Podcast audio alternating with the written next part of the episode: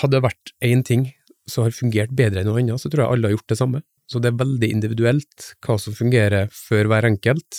Jeg tror ikke mange har holdt på med forskjellige ting hvis det har vært en fasit på det, eh, og i og med at det er et såpass stort og bredt felt, det er såpass mange som, eh, som får ulike former av muskel- og skjelettplager, så, så handler det nok mer om og der diskuterer vi ganske mye, og det handler like mye om fagpersonen du går til, altså mennesket du møter, hvem du har kjemi med, hvem som får deg på lag til å gjøre eh, de fornuftige tingene og fornuftige valgene for deg sjøl, som hva man er utdanna som. Da lytter du til Sunnhordlandpodden, en podkast der du får møte spennende personer med en eller annen tilknytning til regionen Sunnhordland. Denne episoden er sponsa av treningssenteret Sporttreff, som ligger midt i Lærvik sentrum.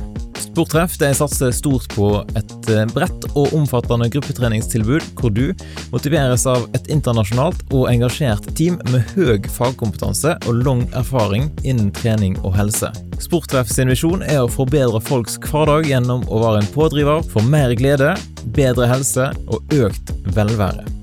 Personlig så syns jeg at spinningtimene med Kristin Kalve på lørdagsmorgen og styrketrening da er en fantastisk fin start på helga, så da anbefales. Her kommer dagens episode. Bra helse det er noe som de aller fleste ønsker å ha, men som en i større eller mindre grad lykkes i å få til i praksis. Og noen ganger så trenger en kanskje litt hjelp for å få bedre helse. Og en gjeng som kan bidra til at uh, du får bedre helse, det er gjengen som du finner på Bedre helse på Stord. Så i dag så har jeg fått med meg fysioterapeuten Vegard og kiropraktoren Aron i studio. Velkommen til Sunnhordlandpodden. Takk. Tusen takk skal du ha. Takk for invitasjonen. Yes. Kan dere gi en litt sånn kjapp uh, presentasjon av hvem dere er? Hi, I'm Aaron. I'm from uh, United Kingdom. I've come from a small town above London called Luton. Um, I graduated from the Welsh Institute of Chiropractic in 2019, and since then I've been working in private practice, just helping people with their aches and pains and other symptoms that people come to see a chiropractor with. Yes, og så har vi Så har vi Vegard Lønheim, um, nordmøring uh, fra Frei utenfor Kristiansund. Ja, i korte trekk, og prøve ikke å breie ut.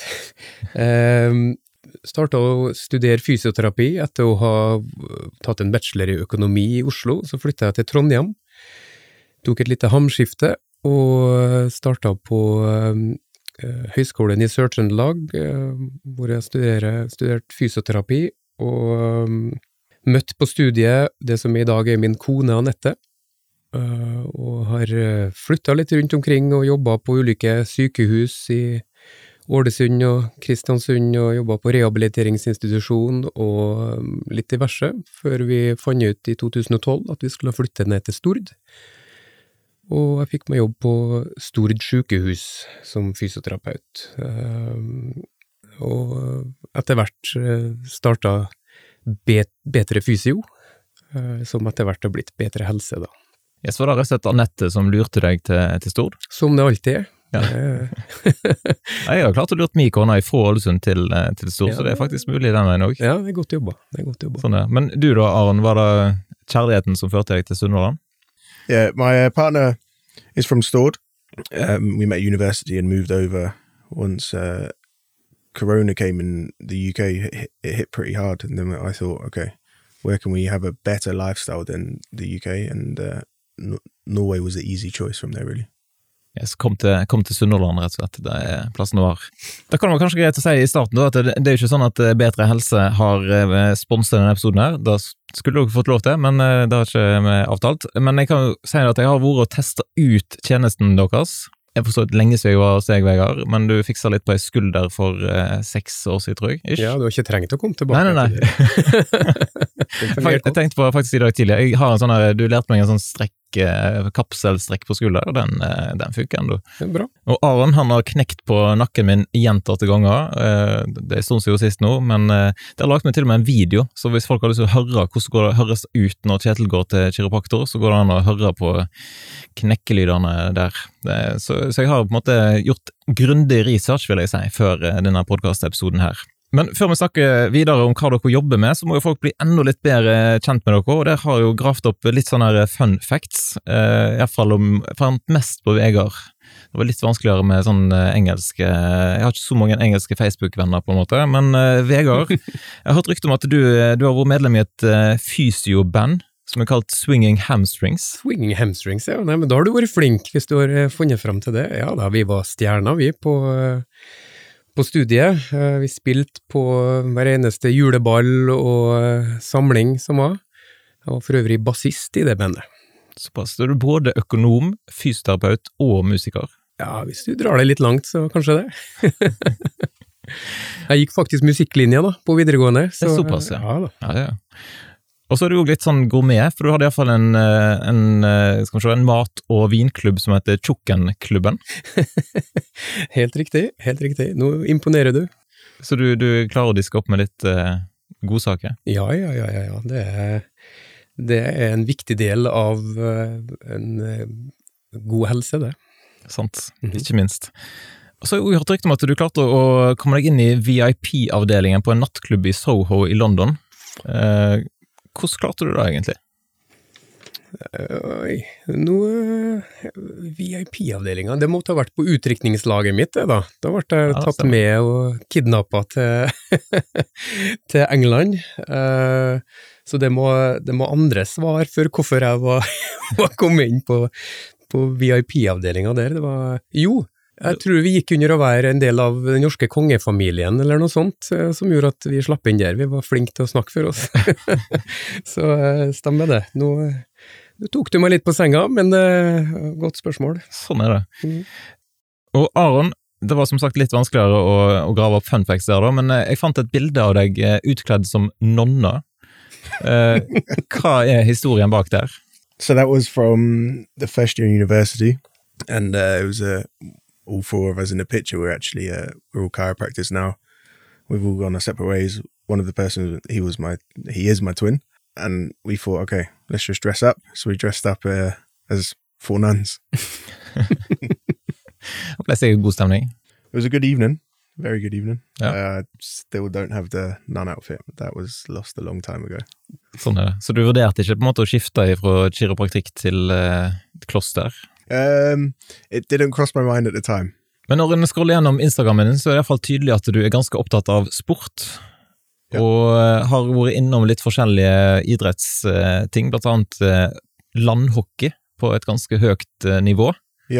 I played land hockey in the UK for about 13, 14 years. Played in in Wales in the West Premier Division, but that was for the whole of the UK. Um, we once went to Ukraine and played in the Euro hockey tom- competition. Um, and that was probably the highest point that I played in land hockey, in field hockey. Men her i Norge så har du slengt deg på rugby. Ja. Spiller rugby i Haugesund. Uh, so I've been playing, started training in January this year, and since then we've been, as a team, we've been getting better and better and better.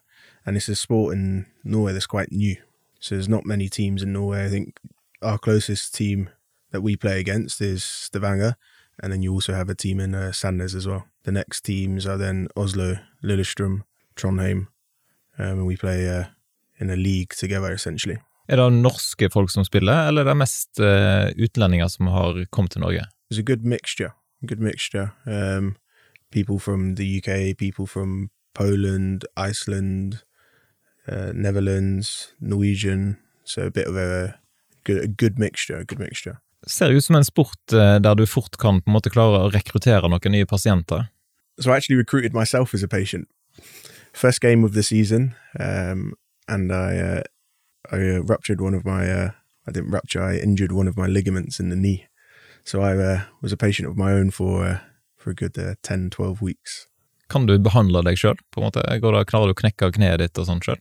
I have tried, but um, it doesn't work. So uh, I must find uh, someone else to do it for me. Så lurer jeg på, Skjer det da at du takler noen? Hvis du takler noen hardt på banen, og så kan du på en måte gi dem kortet ditt, og her er, her er kiropraktorkortet mitt? Yeah, um, I can do that. Um, I think it was a bad thing letting the team know that I'm a chiropractor because every injury they come to me. I've got this wrong with me. This is wrong with me. And also on the pitch is quite difficult. If you see a teammate go down injured, it's quite difficult to switch off that that side. Okay, is this a serious injury or or not?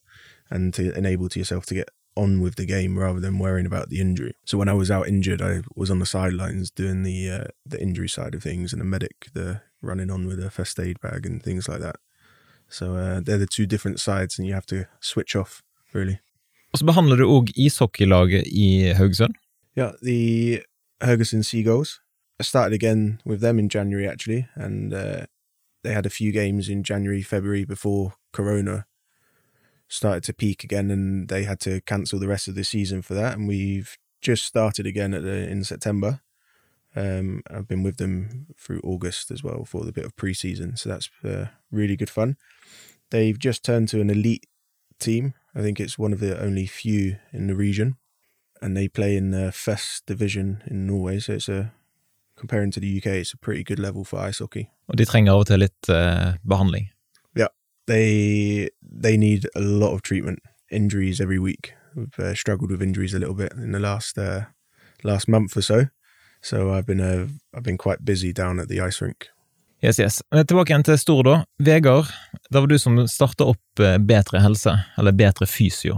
Bedre Fysio, det heter det faktisk fortsatt i dag òg. Bedre Fysio er på en måte det som er firmaet, da, for å si det sånn, mitt og Nettes uh, aksjeselskap.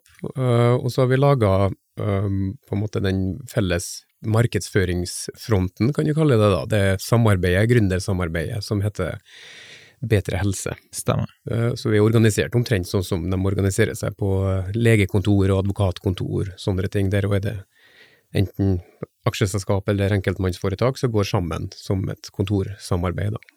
Ja, jeg lurte litt på, er det du eller er det Anette som er sjefen? Anette, Ja, det er det. For ja, hun er daglig leder. Jeg er, jeg er styreformann og, og kan være med og, og avgjøre litt, men det er hun som avgjør den daglige driften. Det det. Mm. hvordan funker det når en er, er og Eller Funker perfekt. Jeg er vant til å innordne meg på hjemmebane og på jobb, så det, da adlyder man. så bra. Mm. Hva var grunnen til at eh, dere starta opp for dere sjøl? Nei, det har alltid vært en drøm vi har hatt. Vi, ja, vi har jo samme yrke, øh, begge to, og øh, har jo jobba hver for oss på mange ulike fronter og arenaer. øh, Men vi øyna muligheten da vi kjøpte oss hus på Stord, der det var en ganske stor, tom kjeller i det huset, der vi kunne velge å innrede det som en utleieleilighet, eller omregulere det til næringsdrift og og fysioterapiinstitutt, så det siste valgte vi å gjøre da, og, og mye på grunn av familietryggheten, da, at vi ikke bare begge to gikk rett ut av to jobber og begynte 100% for vi vet at det er mye, det er mye utgifter i starten, og det tar lang tid å opparbeide seg en, et kundegrunnlag. Så da mm, fortsatte vi hver vår jobb, eller hun, hennes jobb på det tidspunktet var jo å være hjemme i morspermisjon, da. Det var mange morspermisjoner i den perioden.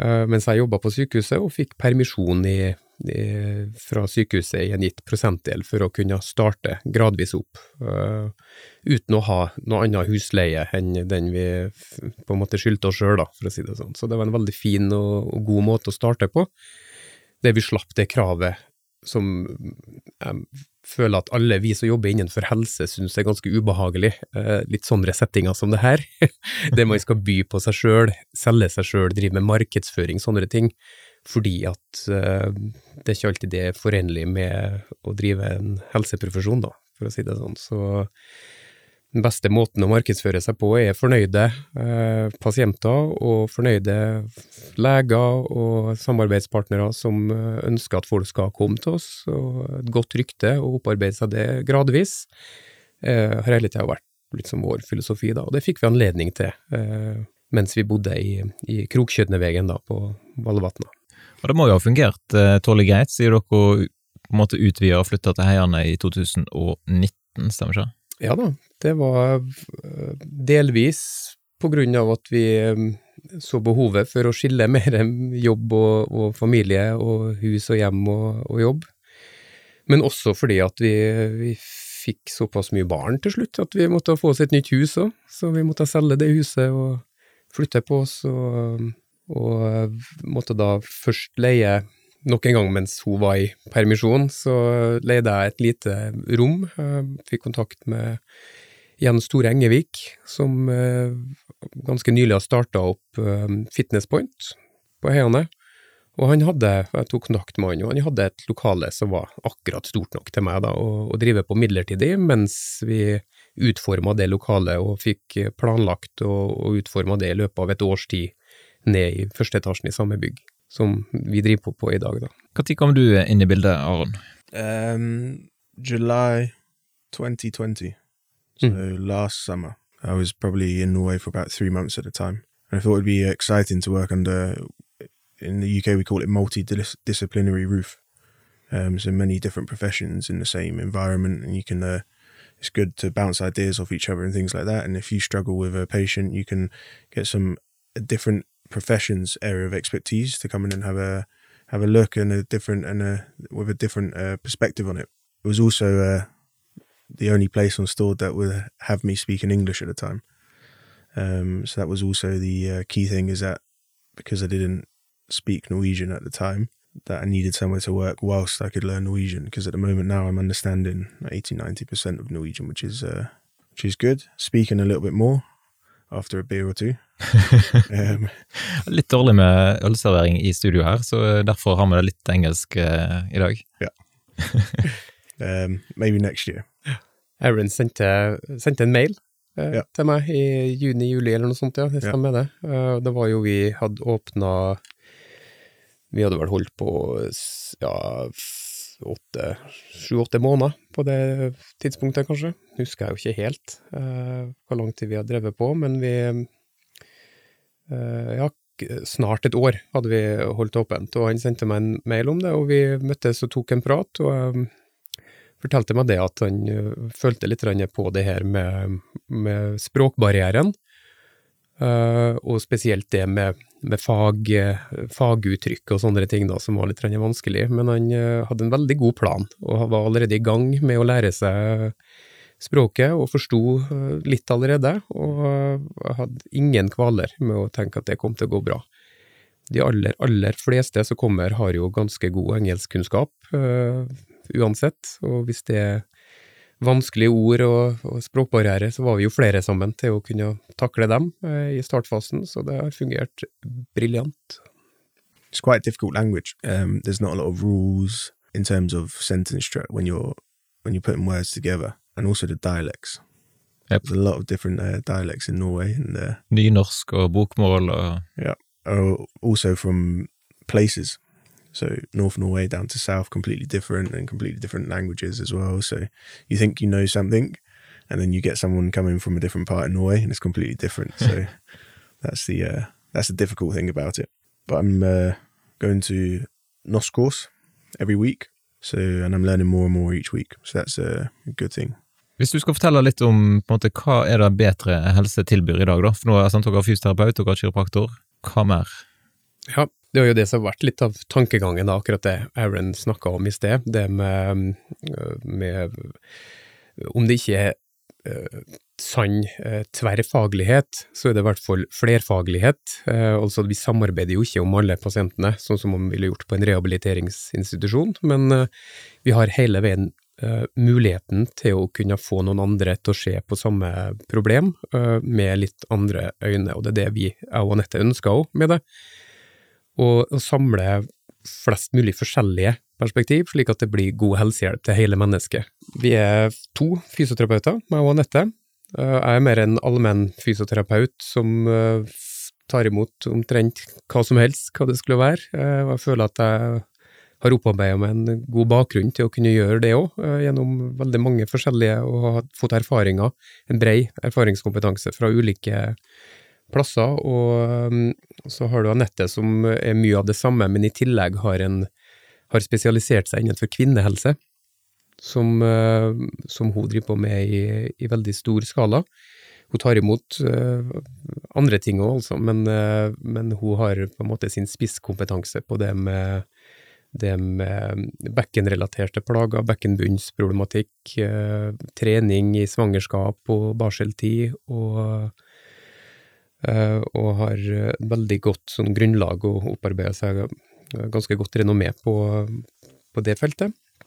Eh, vi har eh, Benedicte, som har eh, flere hatter. Hun er eh, autorisert eh, fotterapeut, så hun eh, tar seg av eh, feilstillinger og, og ser på en måte på fothelsa, da, noe som jeg føler meg svak på, blant annet, som ikke vi har veldig stort fokus på i, i fysioterapien eh, sånn eh, tradisjonelt sett. Eh, Så har hun i tillegg utdannelse innenfor muskelterapi, som er til stor hjelp for både fysioterapeuter og kiropraktorer, at vi har, tar oss av mer denne utredninga og finner ut, for min del, litt mer hva folk kan gjøre annerledes, og på en måte jobbe med det funksjonelle, mens hvis det er mer muskelrelaterte plager som trenger å lindres, så er den eh, en veldig god hjelp å ha.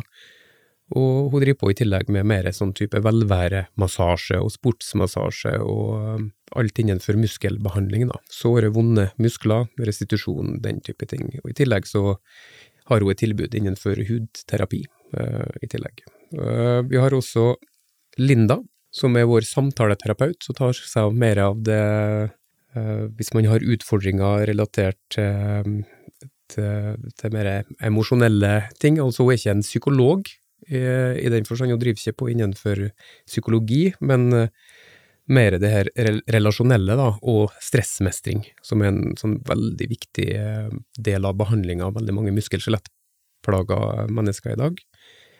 Det her med å forholde seg til stress, og hvordan man eh, jobber med pust, og har eh, kursrekke innenfor mindfulness, blant annet. Og så gir et tilbud til både familier og enkeltpersoner og par, eh, når det gjelder det å skulle enten styrke parforhold, eller hvis man har møtt på problemer, så har man et privat alternativ å gå til istedenfor familievernkontoret, blant annet. Da. Så, så hun tar imot. Da har vi vel dekket alle meste. Aaron snakker for seg sjøl, som kiropraktor. As a chiropractor, I work on the body in general. Traditionally, uh, chiropractors would work on just the spine and the nervous system affecting the spine, and what comes with that is, is the muscle, the musculoskeletal system. Um, but I tend to use more of a whole body approach.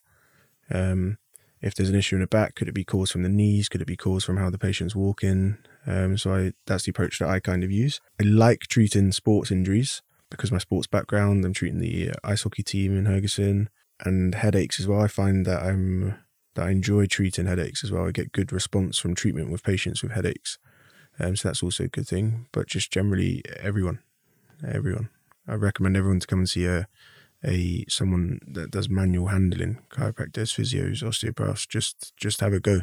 Just go and see one, see if there's anything that they can do to help you. Just things like that. Har du gode klippekort, tenkte jeg på. Altså, du kan jo på en måte eh, ta en tur innom eh, Hvis du er litt stressa, så kan du gå innom denne den her terapi-samtalesaken, og så kan du gå, og bli litt knekt, og så kan du få litt sånn sportsmassasje eller et eller annet. eh, Altså, Ja, det, vi har ikke klippekort. eh, Eh, For å svare Ja, det er et tips, men vi må holde tunga litt beint i munnen, for vi har jo en miks av eh, holdt på å si, både eh, fagprofesjoner eh, som er regulert av, eh, av lov og helsepersonellov og sånne ting, og vi har eh, eh, mer uregulerte ting, så vi har lov til å på en måte, Det er noen av oss har lov til å selge gavekort, blant annet, og klippekort, eh, som du nevner det, mens det når det gjelder helsetjenester, som kiropraktikk og fysioterapi og sånne ting, så skal man ikke drive med, med den type markedsføring, da. Det er litt sånn regulert ved både lov og etikkplakater og, og slike ting så, fra forbundene sin side. Så vi kan ikke gjøre det som en helhet, nei. Så vi må, vi må skille litt der òg. Mm. sånn det. Lære noe nytt eh, hver dag. Ja, ja. Det som jeg har tenkt på da, i forberedelsen her, sant, er jo at det er jo litt vanskelig for folk å vite, og for meg, eh, hvem skal en gå til, da? Sant? Jeg har hatt denne nakken som Maren har knekt på, men jeg kunne jo helt sikkert tatt en tur både til deg og til, til hus muskelterapeuten, og jeg kunne stukket en tur til hun fra Stord osteopati som jeg snakket med for et par episoder siden. Så liksom, hvordan skal folk vite hvem en skal gå til? Ja, det er, hadde man visst det, for å si det sånn, da, um, når det gjelder spesielt muskel- og skjelettplager, for det er jo forskjellige ting folk kommer med. Um? Er det en eh, Hvis det er en sånn typisk opptreningssak etter et eh, beinbrudd eller et ankelovertråkk og sånne ting, så er det jo, da er det jo mer fysioterapeuten som ofte står for opptreningsbiten, mens hvis det er mer akutte muskel-skjeletting, så er det mer kiropraktorer man oppsøker, eller osteopater, siden du nevnte det. Men det er nok, når det gjelder muskel og skjelett, så har du på en måte den her Hadde det vært én ting som har fungert bedre enn noe annet, så tror jeg alle har gjort det samme. Så det er veldig individuelt hva som fungerer for hver enkelt. Jeg tror ikke mange har holdt på med forskjellige ting hvis det har vært en fasit på det. Eh, og i og med at det er et såpass stort og bredt felt, det er såpass mange som, eh, som får ulike former av muskel- og skjelettplager, så, så handler det nok mer om og der diskuterer vi ganske mye, og det handler like mye om fagpersonen du går til, altså mennesket du møter, hvem du har kjemi med, hvem som får deg på lag til å gjøre eh, de fornuftige tingene og fornuftige valgene for deg sjøl, som hva man er utdanna som. Så handler det litt om det her med, med autoriseringa og reguleringa òg, sant, i forhold til um, at uh, både jeg og Aaron er jo autorisert helsepersonell, og nå har man jo på trappene en autorisasjonsordning for, for flere òg både osteopater og naprapater og paramedisinere òg, uten at jeg Du må ikke spørre meg om hva det er, men jeg leste at det òg var en, eh, noen av dem som var med i den her politiske handelen om uh, hvem som skulle få autorisasjon, og, og, det er jo en fordel, for da blir man jo i større grad regulert under et lovverk som gjør at man må holde på med, må forholde seg til vitenskapelige ting og å drive på med, med, noe som eh, på en måte man vet er nyttig, fremfor å gjøre hva som helst. For det er jo sånn det har vært tidligere, at man har vært eh, regulert som alternativbehandlere, eller uregulert som alternativbehandlere, og hva som helst kunne skje. Så da, da er det, det, er bedre at man får litt kontroll på, på faggruppene, for å si mm. sånn, da. Syns jeg. Hvis dere tenker dere to, da. Hva vil du si er den største forskjellen på det som dere to holder på med? I think that the biggest difference would be that traditionally a physiotherapist would have more of a uh, rehabilitation and exercise approach as well as hands-on treatment to the patient's uh, health. Chiropractors generally tend to work on more of the spine and, and we call them adjustments, adjusting the spine, as well as as research starts to come out more and more, um, more chiropractors are starting to also go down that rehabilitation approach. And that's something that I kind of use is that once we get the patient out of pain, is that okay? We'll use some uh, exercises and rehabilitation to just to get the get the patient stronger in certain muscles that we find that are a little bit weaker or that could be improved on. Um, so I think that's the biggest difference. Is traditionally is that that would that would be the thing that separates the two professions. However, now I think it, it's more of a uh, a lot of roads are coming together, and then it, then it more depends on what does the patient prefer? Do they get on with the person? And because I think that's the biggest thing is that people don't get on with everyone. You're allowed to you're allowed to not get on with someone else, and that someone else may not get on with you. Um, and that sometimes can be the case with patients as well, is that you just don't get on with that patient, or they don't get on with you and they don't respond to the treatment, and you see that. So then maybe you say, okay, let's try a different approach my colleague next door is a physiotherapist, and maybe maybe you'd be better suited to that style of treatment. Or even so, there's an osteopath. Uh, there's an osteopath installed or another chiropractor installed. Go and see them and see if they can offer you something different than what I can offer. So I think that's also important. Is if a patient isn't responding to your treatment, that you have to have that conversation with them because you're the healthcare professional, and you have to have you have to tell them, okay, this isn't working. Let's try and find a different approach to the treatment for yourself. Helt enig, og det er jo en viktig del av det å, å på en måte å, ha, å forholde seg til vitenskap, for er jo, det er jo det vi ønsker å gjøre alle sammen. Og eh, når det gjelder det her med, med vitenskap og søk, eh, på en måte grunnlag i, i litteratur og undersøkelser og, og forskning, så, så, er det jo sånn at du ønsker å utvikle det. Uh, hvis, du sitter, hvis du sammenligner det med religioner, for eksempel, at en som uh, er av en kristen tro sitter og mener at det, er det eneste sannheten, mens en muslim sitter og sier at nei, jeg eier denne eneste sannheten, uh, så kan man tenke at vitenskapen er, litt annerledes. Hvis en vitenskapsmann som tradisjonelt ikke tror på noen guder, da, finner ut at Gud eksisterer, så vil jo ikke de bli sint og nekte, de vil si ja, jeg fant ut det. Da har vi bevist det, og litt sånn er det med med de ulike profesjonene òg. Jeg tenker at jo lengre man er inn, og lengre man er regulert innenfor, uh, innenfor lovverk og må forholde seg til å, å, basere seg på ting som vi vet fungerer, så vil det på en måte gli mot mer og mer av det samme, tenker jeg. Man, man godtar at det fungerte ikke, vi forkaster det, vi gjør mer av det som vi vet fungerer. Så det har du litt sånn, sånn har jo alle faggruppene vært. Uh, jeg leste et sted at kiropraktikken starta med en, en som uh, fant en vaktmester som hadde hva han hadde, han hadde dårlig hørsel, eller var døv, og så gjorde han en manipulasjon på ryggen hans, og så kunne han høre igjen. Og det var starten òg, ja, kanskje så forska de videre på det og begynte å, å, å gjøre manipulasjoner på, på, ryggraden, og det var liksom sånn den Jeg vet ikke om det er en myte eller en sannhet, men det er i hvert fall eh, på 1800-tallet, på slutten av 1800-tallet, så var det sånn det, det hele starta. So that was the start of uh, chiropractic, and I think even uh, osteopathy was even first originated even 20, 30 years before chiropractic. So the manipulation is the the part that the Norwegian slang term they use patients are knekker up, mm. a click. Um, that originated a long time ago and it's been progressed and progressed and progressed since. But even the most basic technique that we use now was still one of the first techniques that they used when adjustments first started, um, when osteopathy and chiropractic professions were essentially born. The only thing that changes is just evidence. More research comes out, and now it's starting to become a big thing. Is that okay? We have to use evidence based medicine and evidence based care for the patients, and that's even being pushed towards surgeons. A lot of the surgeons like to go under the knife quite quickly. And so, patients, you must go under the knife, you have to go under the knife. But that's not the best research. If you're offered surgery, I think it's important to always just uh, take a step back and get a second opinion and see if something else will work. I think surgery should always be the last resort. Um, and any any medical interventions, even if you feel uh, that uh, you don't like the uh, the chiropractic adjustments, just come in and have a chat. We'll have a chat. We don't need to use the adjustments. The clicks can be quite scary for some people. We don't need to do those adjustments necessarily. And if chiropractic really isn't the approach for you, then we'll send you to a physiotherapist. And uh, Vega can have a chat with you and see if that will work better for you. If not, then there's other there's many different approaches that patients can use. Mm.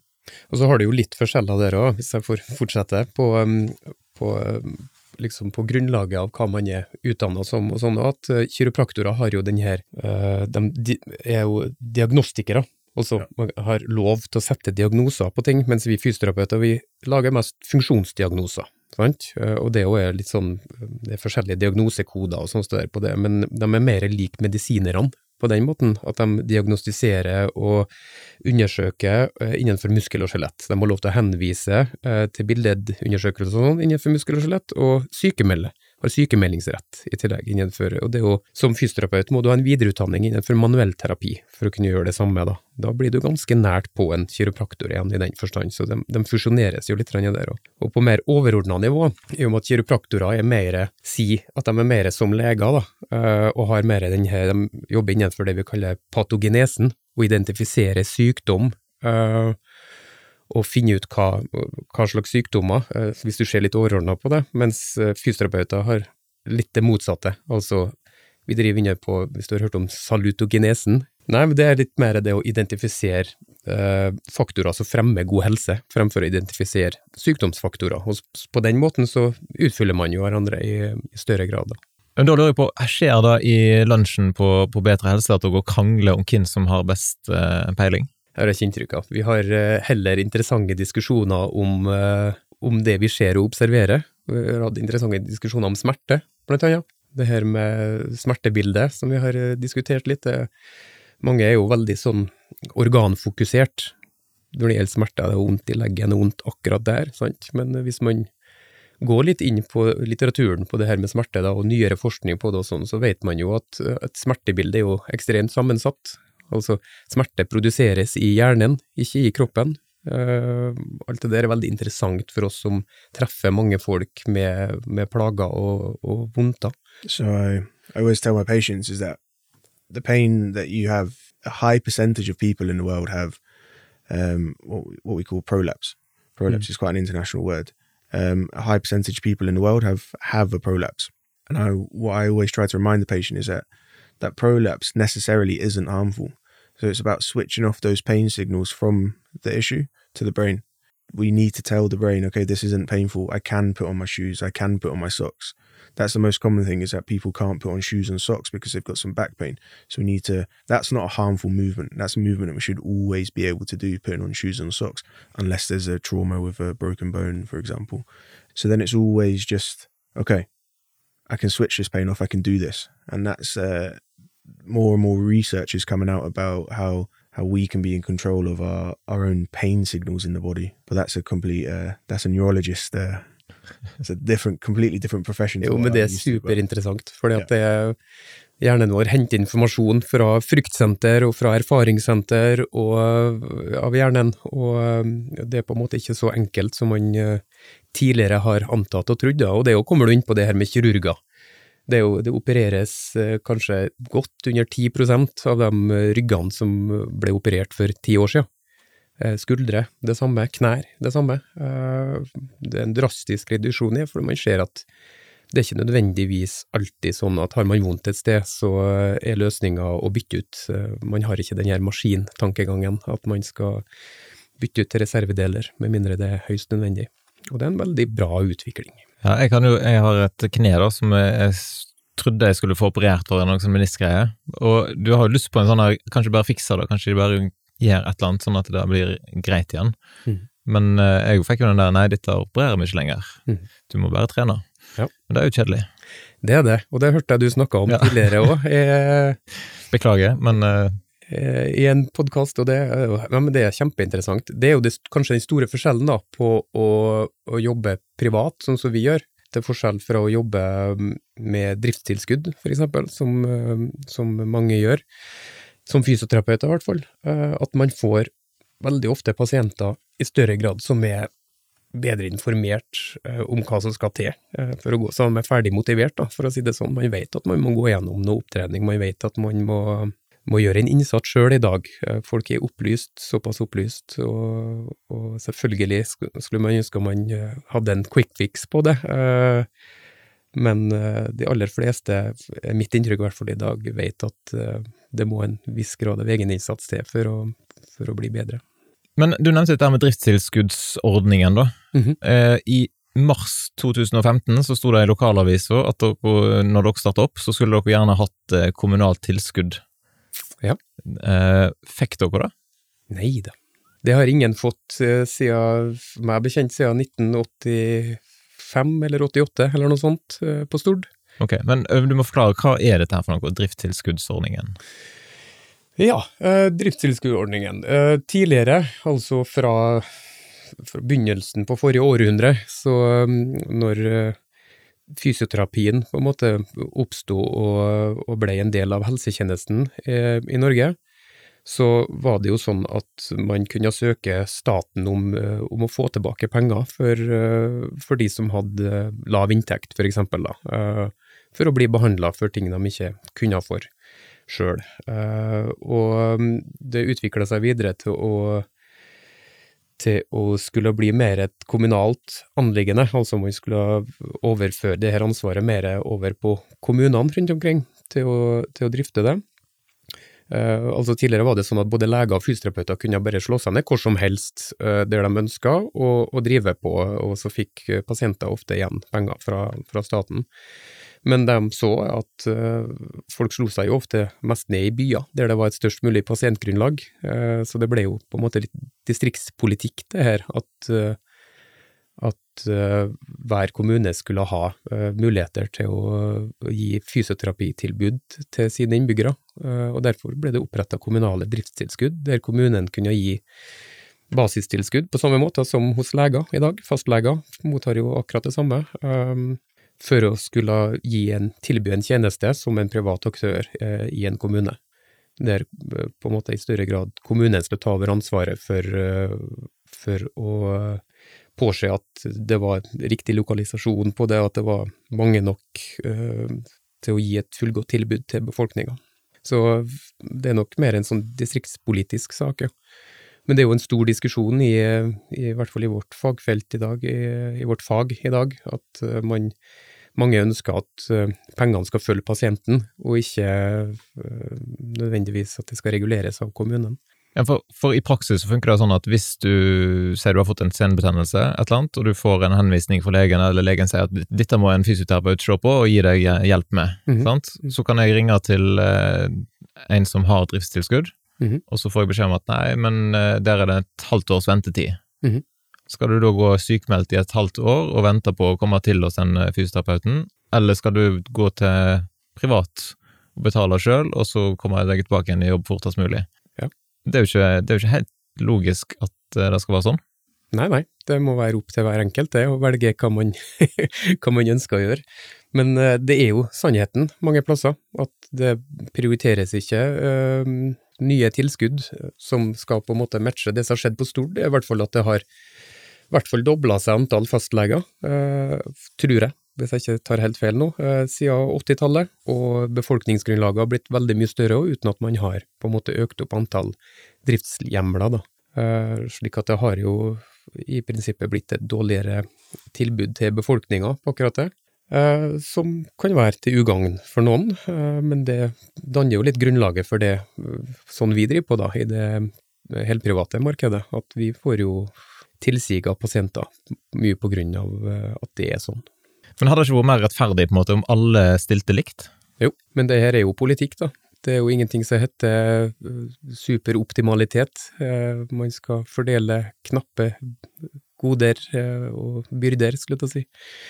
Så, sånn vil det jo alltid være. Mitt inntrykk er at man har en, en sånn prioritering på det, da, at de, de fysioterapeutene som har kommunalt driftstilskudd, de prioritere nyopererte og, og dem som har et akutt behov, og klarer det veldig fint eh, i dag, mens de som har mindre prioriterte plager, som for eksempel muskel- og skjelettplager, eh, vondter istedenfor skader, for å si det sånn, da, får ikke kommet til like raskt. Jeg vet eh, veldig godt, jeg kjenner de aller fleste personlig, så jeg vet de gjør så godt de kan, og, og jobber så hardt de kan, og prøver å ha en, eh, en omsetning på, på pasienter i stor grad. At man eh, Og vi har hatt flere samarbeidsmøter om akkurat det der òg, eh, alle fysioterapeutene på, på øya. Så man, man, prøver så godt man kan, men man er jo på en måte prisgitt de rammene som man får fra eh, politikerne sin side. Så i tilfelle noen politikere lytter til Sunnhordlandpodden, så